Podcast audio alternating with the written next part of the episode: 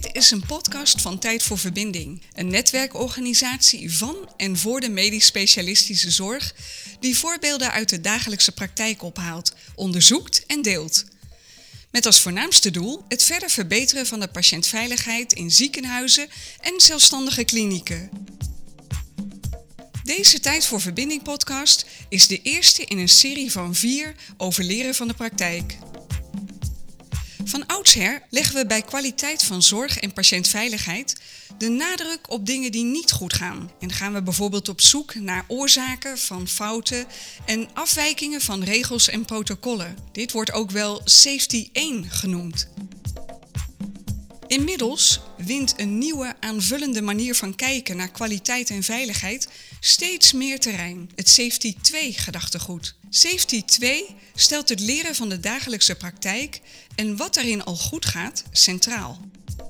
Het grootste gedeelte van de tijd doen we immers gewoon ons werk zoals we dit altijd doen, zonder dat er iets misgaat. En juist van die variatie in de dagelijkse praktijk kun je veel leren. Wat levert Safety 2 ons op? Door de praktijk en daarmee de zorgprofessional centraal te stellen, dragen we bij aan het vergroten van het enthousiasme en de intrinsieke motivatie om de kwaliteit en zorg van patiëntveiligheid continu te verbeteren. Leren van de praktijk is de rode draad van het programma Tijd voor Verbinding.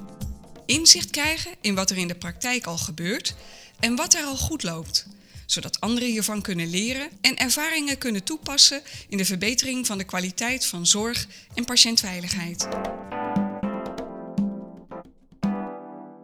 Zijn in het uh, Amphia ziekenhuis, een groot topklinisch ziekenhuis in Breda uh, met vier vestigingen.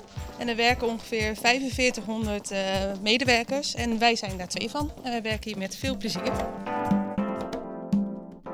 Zoals jullie horen, het Amphia ziekenhuis in Breda. En mijn naam is Joris Kreugel en ik ga als verslag geven voor deze podcast op zoek naar praktijkvoorbeelden uit het veld. En hier zijn ze al een behoorlijk eind op weg met het toepassen van het Safety 2 gedachtegoed in de dagelijkse praktijk. Mijn naam is Fleur Mutsaerts en ik werk in Amphia als businesspartner kwaliteit en veiligheid. Mijn naam is uh, Ilona van Es en ik werk uh, deels als adviseur bij kwaliteit en veiligheid en deels als jurist. Hoe zijn jullie binnen Amphia bezig met het leren van de praktijk Safety 2 gedachtegoed? Binnen Amphia zijn we klein begonnen met Safety 2. We zijn met een praktisch proces begonnen om er ervaring mee op te doen. En we hebben vooral niet een heel beleidsplan opgesteld. Dus we willen er een olievlek van maken. Uh, de enthousiaste ervaringen van zorgprofessionals, dat die zich verspreiden door het ziekenhuis. Zodat we vanuit daar steeds meer mensen hebben die met ons mee willen werken aan Safety 2. Welke toepassingen gebruiken jullie dan? Nou, wij gebruiken onder andere de FRAM-methodiek, maar ook beelden aan bed en uh, bijvoorbeeld waarderende audits. Wat zijn audits? Audits, dan ga je op afdelingen langs om uh, te kijken nou ja, op bepaalde onderwerpen of thema's, uh, wat ze daar op afdelingen mee doen en hoe ze dat doen en hoe dat dus in de dagelijkse praktijk eigenlijk gaat. En daarover met elkaar in gesprek. De FRAM of FRAM-analyse, want het wordt verschillend uitgesproken. Het is een Engels woord. Maar kan je kort toelichten wat een FRAM of FRAM-analyse inhoudt? Ja, wij gebruiken FRAM omdat het dus een afkorting is van het Engelse woorden Functional Resonance Analysis Method. Dus daarom kiezen wij voor de FRAM-methode. Met die methode brengen wij alledaagse werkprocessen in kaart. Uh, we gaan met verschillende zorgprofessionals of betrokkenen bij een proces in gesprek. En zo maken wij visueel hoe een proces loopt in de dagelijkse praktijk. FRAM sluit dus goed aan bij de safety tool gedachte, omdat we juist aandacht besteden aan de variatie in de dagelijkse praktijk en dat we daarvan willen leren. Daarbij brengen we onder andere een work as imagined in kaart. Dus hoe denken we dat het in de praktijk gaat? Bijvoorbeeld op basis van uh, protocollen. En een work as done. Hoe gaat het nou daadwerkelijk in de praktijk? En om die work as done in kaart te brengen, spreken we met verschillende zorgprofessionals. En bij voorkeur dus meer personen per functie. Iedereen spreken we individueel. En uiteindelijk, als we het hele proces in kaart hebben gebracht en hebben vastgesteld dat we het goed in kaart hebben gebracht, gaan we met een hele groep in gesprek. Dus juist multidisciplinair, dus met alle functies samen om ervan te leren. En het geeft mensen dus daardoor inzicht in wat er in de stappen voor en na hun in het proces gebeurt. Waarom kiezen jullie in de eerste instantie voor één persoon? We doen individuele interviews, maar uiteindelijk spreken we soms wel 10 tot 20 mensen om het hele proces in kaart te brengen. Maar we doen het één voor één, omdat we juist benieuwd zijn naar de variaties die iedereen met zich meebrengt. Als we al twee mensen van éénzelfde functie bij elkaar zetten, dan maken ze hun verhaal samen. En hebben we misschien maar één variatie te pakken in plaats van twee. Zit er verschil in als je mensen individueel spreekt of in de gezamenlijkheid? Ja, zeker. Want als je mensen allemaal individueel uh, spreekt, dan merk je dus dat zij sommige processen net anders aanpakken. Waardoor er dus een variatie is in al die werkprocessen. Je merkt ook dat uh, bijvoorbeeld als je één secretaresse hebt die voor meer artsen werkt, dan zie je dus dat zij eigenlijk haar werkwijze aanpast op al die variaties van de artsen. Dus de ene arts uh, die wil het graag zo, de andere, tweede arts die wil het net weer anders. En zij maakt daar dan voor haarzelf een werkwijze in. Maar tussen die werkwijze van de artsen zit heel veel variatie. En dat merk je dus door die artsen te spreken. Verschillende artsen, maar ook door die secretaressen te spreken. Dus uh, dat maakt het heel interessant vaak. Zijn die verschillen groot? Uh, soms zijn ze wel heel groot, ja. ja. ja. en doordat je één zo'n iemand hebt die daar een spil in is, die weet dan al die variaties. Maar als zij wegvalt, ja, dan heb je dus een probleem. Want je krijgt niet iemand zo goed weer ingespeeld op al die variaties van die artsen. Dus door juist dat eh, in kaart te brengen, krijg je daar inzicht in. Waarin verschilt dit van hoe jullie eerder met kwaliteit en veiligheid, leren en verbeteren bezig waren? We willen de zorg natuurlijk altijd beter en veiliger maken. En de nadruk eh, lag daarbij tot nu toe eigenlijk met name op leren van wat er misging en op regels en procedures. En we gaan dan voornamelijk op zoek naar oorzaken van incidenten en afwijkingen van procedures. En richten ons dan in de verbetermaatregel op het voorkomen daarvan. Wat dan vervolgens weer leidt tot het opstellen van nieuwe aangepaste richtlijnen of procedures. Meer registreren, en meten, controleren en protocoleren. Nou, en dat is eigenlijk wat ook wel uh, Safety 1 genoemd wordt. Safety 1, dat heeft heel veel gebracht. Dat heeft ons zeker heel veel gebracht. Het heeft ervoor gezorgd dat we bepaalde werkafspraken met elkaar hebben gemaakt, uniform werken. En dat we ook weten wat de afspraken zijn. Dus dat we weten waar we elkaar aan kunnen houden. Die uniformiteit zorgt ook voor veiligheid. Denk bijvoorbeeld aan de time-out op de OK, waarbij je niet begint met opereren voordat je een moment van bezinning hebt gebruikt om te kijken wie is deze patiënt, hebben we alles klaar liggen en welke zijde gaan we opereren. Uh, want juist die duidelijke werkafspraken die we nu met elkaar hebben, die moeten we willen behouden. Dat moeten we niet los willen laten met elkaar. We zien namelijk ook bijvoorbeeld in incidentmeldingen dat daar ook steeds minder in misgaat. Maar een time-out op de OK? Een time-out op de OK biedt vooral een moment van bezinning voordat de operatie gaat beginnen. Zodat we bijvoorbeeld weten dat we het juiste been gaan opereren. Uh, wat zijn de reacties van de professionals op de toepassingen van dit gedachtegoed? Aanvankelijk, als wij het hebben over Safety 2, zijn mensen wel kritisch. Het klinkt als weer iets nieuws en weer iets wat we moeten. Maar uh, omdat wij er geen echt beleidsplan aan hebben gekoppeld, maar het organisch ontwikkelen, hoeven we nu dus niet tegen afdelingen te zeggen: je moet drie frames per jaar doen. Kijk of je een proces hebt waar je altijd al een keer in wilde verdiepen en dan pakken we het samen op. Die spontaniteit, dat vinden mensen leuk. En als ze dan eenmaal ervaring hebben met een van die instrumenten, dan worden ze enthousiast. Want ze vinden het leuk om over hun eigen werk te vertellen. En ze zien vaak zelf ook al wel punten waar ze denken: ach, dat zouden we wel eens een keer anders kunnen doen.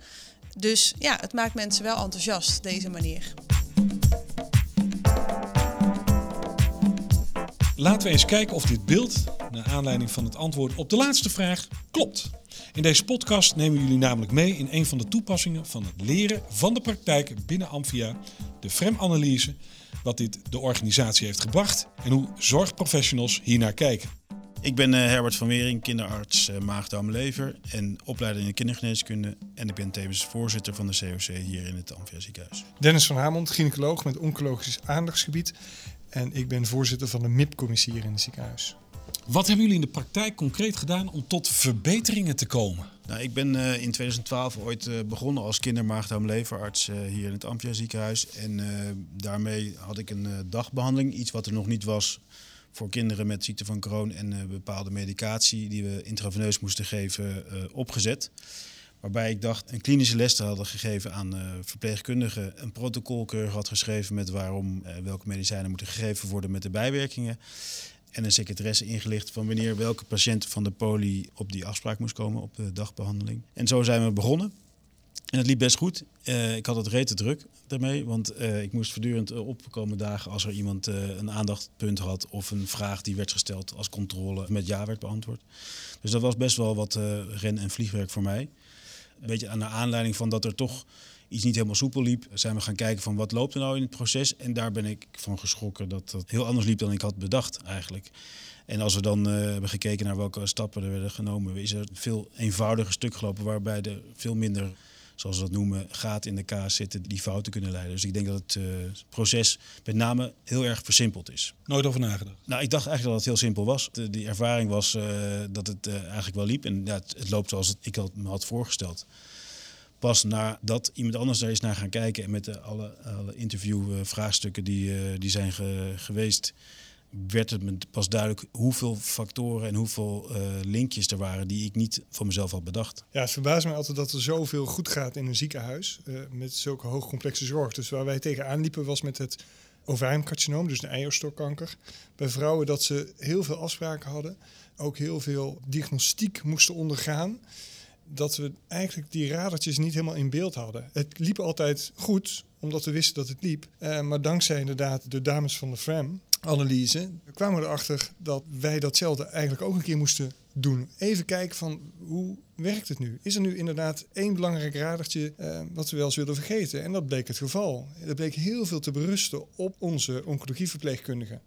Die werkt perfect tot het moment dat ze natuurlijk op vakantie is. En de patiënten gewoon blijven komen. Toen merkten we dat dingen toch niet zo soepel liepen als zij er niet was. En dat er soms gewoon twee weken vertraging was, wat gewoon niet kan. Uh, omdat je met bepaalde normen tijden te maken hebt.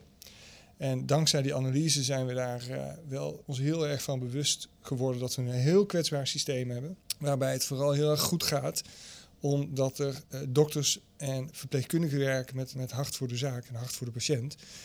maar er hoeft maar iets of wat te gebeuren en dan kan het gewoon helemaal mislopen. En dat is vervelend voor alle betrokken partijen. En dankzij denk ik de analyse die we hebben gedaan, is het gewoon wel duidelijk geworden dat, dat we uh, daar ook extra mankracht op moeten zetten. Waarin uh, verschilt het met uh, ja, de eerdere aanpak?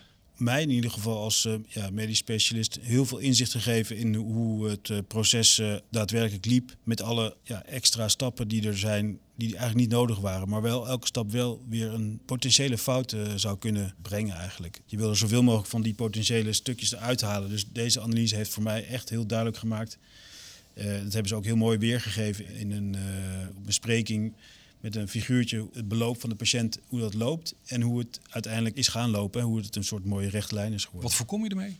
Nou, dat je je helemaal dicht timmert met allerlei protocollen.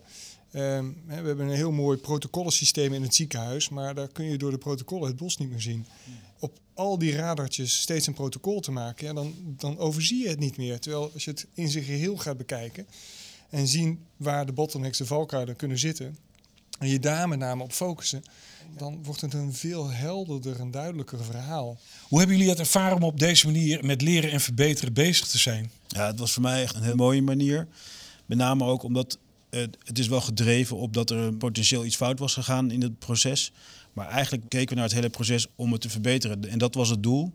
En ook eigenlijk de start van de bespreking. Dus het is op een heel mooie, niet dwangmatige manier uh, ingevlogen. Waardoor je het, denk ik, wel echt het onderste uit de kan krijgt ook. En niet wat er een calamiteit achter hangt of iets dergelijks. Dat mensen toch zichzelf gaan verdedigen en zeggen: nee, maar zo moet het niet. Of ja, onderste komt boven eigenlijk. Dat is wel heel mooi. Ja, het is heerlijk om met mensen in zee te gaan die, die, die waarom-vragen durven stellen. Die uh, geen kennis van zaken hebben. Waarbij je dus echt elke stap moet uitleggen waarom je dat doet. En dan merk je dus zelf ook dat de stappen die je doet voor jou automatisch zijn. Maar voor de ander echt als heel belachelijk kunnen overkomen. Uh, en dan zie je dus de potentiële valkuilen in het hele systeem, in dat kwetsbare systeem. Dankzij gewoon die waarom-vragen die worden gesteld. Dus dat kun je dan ook veel beter uitleggen en duidelijk maken aan bijvoorbeeld de mensen van de Raad van Bestuur. Die zien dat proces natuurlijk helemaal niet. En dankzij dit soort analyses ja, wordt dat gewoon helder voor alles en iedereen. Wat spreek je het meest aan? Op het moment dat je calamiteit hebt, dan wordt er echt, echt nou, zout bijna in de wonden gestrooid. Hè. Dan ga je echt spijkers op laag water zoeken. Waarbij de, dan zit je in een soort van politieverhoor bijna. En met zo'n analyse, met zo'n frame-analyse, is dat helemaal niet. Het is gewoon heel open. Waarom? Omdat je mag laten zien waar je in excelleert en waar je goed in bent. En waarom je dingen zo doet, omdat je ze zo voor ogen hebt. Omdat je ja, voor de patiënt gewoon goed wil doen. Het is toch mooi dat dat dan in gang is gezet? Ja, dat is zeker zo. En ik, ik denk dat het nog breder is, want het is ook de manier waarop de medisch specialist zich in de toekomst moet opstellen. Hè? Dat hij veel uh, opener staat ook voor vragen en nieuwe ideeën hoe problemen kunnen lopen. Ik denk dat je dan ook een voorbeeldfunctie kan zijn voor de assistent in de opleiding. Wat heeft de FREM-analyse jullie gebracht? Nou, in ieder geval minder hoofdpijn, omdat het, uh, Omdat het met de dagbehandeling veel gestructureerder liep. Eh, daarbij is ook een eh verpleegkundig specialist bij ons erbij gekomen, maagdomlever, die waarbij zeker ook de FRAM-analyse heeft geholpen om duidelijk de kwaliteit en toevoegingen van haar in dit proces duidelijk te maken, zeg maar. En daarmee loopt het nu heel soepel. En dat weet ik zeker, er gaat vast nog wel eens een keer wat mis. En er gaat vast nog wel een keer dat iemand langer moet wachten. Maar de bottom line is wel dat het een veel simpeler plan is geworden. En dat het ja, echt heel soepel loopt. En ik heb er bijna weinig meer mee te doen. Het gaat allemaal vanzelf. Nou, ik denk dat we heel duidelijk hebben gemaakt, ook aan de Raad van Bestuur, dat we vaak mankracht tekort komen en dat er gewoon aandacht voor moet zijn. Dat heeft ertoe geleid dat er vanuit de Raad van Bestuur ook naar andere ziekenhuizen is gekeken om dat case managementschap, zoals het dan heet, hè, door, oncologieverpleegkundigen, om meer zorg daarvoor te krijgen, om meer mankracht daarvoor te krijgen. Ja, we hebben ook hele simpele, banale afspraken gewoon met de radiologie gemaakt. Dat we erachter kwamen dat we inderdaad met twee verschillende protocollen werkten en dat het helemaal geen probleem was om snel CT-scans aan te vragen. Op het moment dat we maar een juist mailadres gebruikten, ja, kwam dus dankzij zo'n FRAM-analyse en die nabespreking met z'n allen, kwamen we erachter. Het is heel veel waard. Je krijgt eigenlijk inzicht in die hiaten in het proces. Ja, absoluut. Hoe hebben jullie de interviews ervaren? In het begin dacht ik wel even van oké, eh, waarom moet ik dit nou beantwoorden of waar moet ik hier naar kijken? Dat is me heel erg duidelijk geworden daarna natuurlijk. Ehm, omdat het doel echt verbetering van het proces was. En dat ook het startpunt was, heb ik me nooit aangevallen gevoeld of in mijn hemd gestaan, zeg maar, om antwoord te kunnen geven. Dus het was echt gewoon echt puur om te kijken hoe gaan we dit nou zo veilig mogelijk maken. Zonder dat er dus iemand een schuldvraag neerlegt of iets dergelijks. Ja, en ook met open en veilig. En eh, de kwaliteit stond voorop. En niet een calamiteit die in dat opzicht leidend was, maar echt gewoon, we gaan met z'n allen die kwaliteit verbeteren. En waarbij zowel Fleur als Ilona, die vroegen ons het hemd van het, lijf, maar we stonden inderdaad niet in ons hemd. Gewoon, blijkbaar kunnen wij dingen niet zo goed uitleggen, eh, zodat de leek het ook snapt. En dat is confronterend, maar werkt daardoor best wel heel erg goed om het proces juist beter te kunnen begrijpen. In dit geval is echt de kwaliteit leidend. Het is een stap daarvoor nog. En dat is eigenlijk veel beter zoals een proces zou moeten lopen dan dat je de put dempt als het varken verdronken is. Hoe hebben jullie het eh, multidisciplinaire gesprek ervaren na afloop van de analyse? Omdat ik best wel trots was op de uitkomsten, vond ik dat eigenlijk een leuke manier om te showen van een medisch specialist die laat zien dat hij open staat voor kritiek en uh, verandering in het zorgproces. En dit komt eruit. Ik vond het eigenlijk wel een soort uh, mooie show eigenlijk om het te laten zien. Jij ook het gevoel dat je in een show zat? Nee, ik vond het dat viel wel mee. Maar het is inderdaad wel helemaal correct wat Herbert aangeeft. Omdat je dus zoveel stapjes hebt bij een patiënt en met zoveel mensen te maken hebt. Een radioloog, een internist, een anesthesioloog, een case manager. Die komen op dat moment allemaal bij elkaar. Inclusief het management van een ziekenhuis. Die zien dit soort dingen normaal niet. En wauw, dat het allemaal goed gaat. En dat is wel geweldig om dat een keer te mogen laten zien. Wat is in jullie ogen de kracht van het leren van de praktijk Safety 2, gedachtegoed en instrumenten als uh, frame? Krachtig is dat het dus open, veilig en ook als beginpunt verbetering van de kwaliteit van het zorgproces. En ik denk ook, wat misschien nog niet helemaal duidelijk is geweest, is dat het door alle lagen van het ziekenhuis heen gaat. Ik heb steeds een medisch specialist genoemd die het protocol maakt, maar de secretaresse van de afdeling, de assistent die infuus moet prikken, de apotheker die de medicijnen moet voorschrijven op dezelfde dag dat het uh, geleverd moet worden.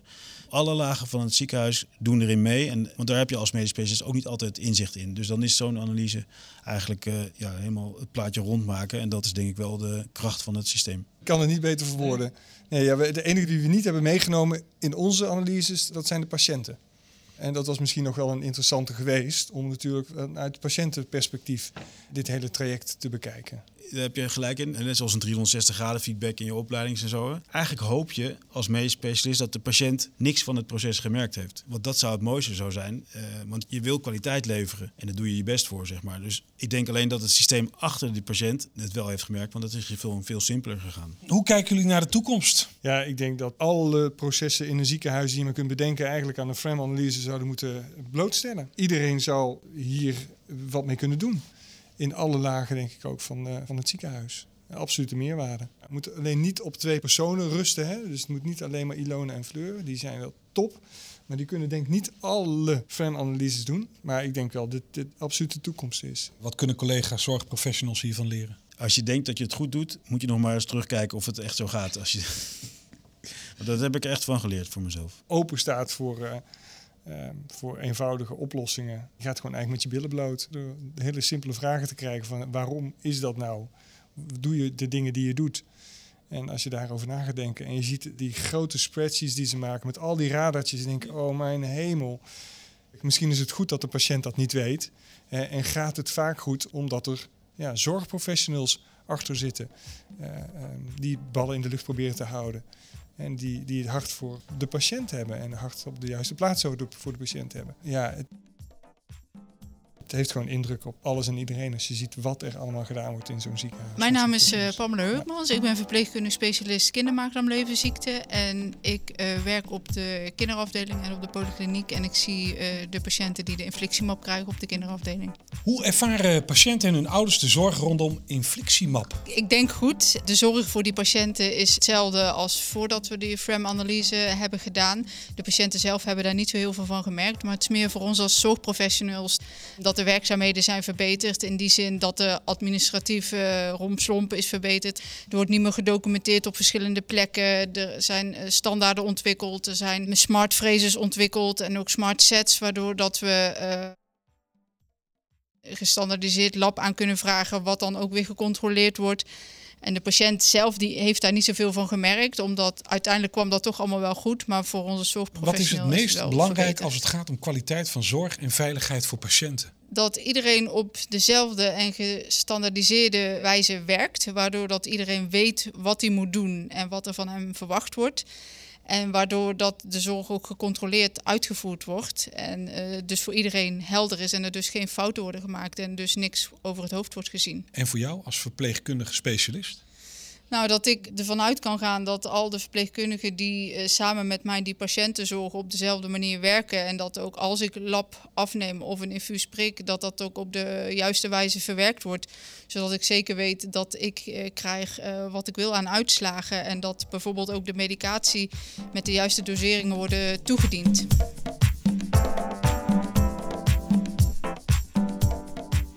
We zijn inmiddels weer terug bij Ilona van S en Fleur Mutsaerts. Ja, en wat is volgens jullie de kracht van het leren van de praktijk van Safety 2, gedachtegoed en de toepassing van instrumenten als FRAM? Het sluit aan bij de praktijk, dus bij de dagelijkse processen van de zorgprofessionals zelf. Het zijn thema's waar zij zelf nieuwsgierig naar zijn en waar zij misschien ook wel verbetermogelijkheden uh, in zien, maar niet altijd de ruimte vinden om daarmee uh, aan de slag te gaan. Omdat we dus een olievlek hebben, komen mensen naar ons toe met onderwerpen waar zij graag van zouden willen dat wij hun daar eens uh, mee helpen. Uh, en dat werk voor hun oppakken om hun uh, nieuwe inzichten te geven dat is ook onze gedachte geweest bij de olievlekbenadering. Dus in plaats van dat wij op basis van incidenten of andere input mensen actief zelf gaan benaderen, hebben wij gedacht van laat mensen naar ons komen met de onderwerpen waar zij nou behoefte aan hebben. In plaats van normaal kunnen wij wel eens met normenkaders of regels bij mensen langskomen. Hoe is dat georganiseerd? En nu willen wij graag mensen helpen met hun vraag. We gaan echt de dialoog aan. En uh, wat ook van heel veel meerwaarde is, vinden wij, is de dialoogsessie eigenlijk die je aan het eind van die FRAM-analyse hebt met elkaar. Want daar nodigen we dan alle disciplines uit het proces voor uit. En met elkaar bespreken we dan wat wij in de praktijk zijn tegengekomen. En juist doordat ze dan ook heel visueel in beeld zien wat ieders rol is, maakt dat ze ook echt met elkaar het gesprek aangaan. Omdat ze eigenlijk van tevoren misschien niet helemaal precies goed voor ogen hadden wat de ander dan deed in dat proces. Dus dat maakt het juist dat dialoogsessie heel erg waardevol. Multidisciplinaire samenstelling. Ja, dus echt alle disciplines die betrokken zijn in een proces, die uh, nodigen we daarvoor uh, uit. Wat brengt het de organisatie? Het brengt de organisatie dat professionals de tijd en ruimte krijgen om de thema's waar zij zelf verbetermogelijkheden in zien te onderzoeken, in kaart te brengen en daar verbeteracties op in te zetten. Safety 1 heeft veel gebracht, dat hebben we ook benoemd en dat gaan we ook behouden.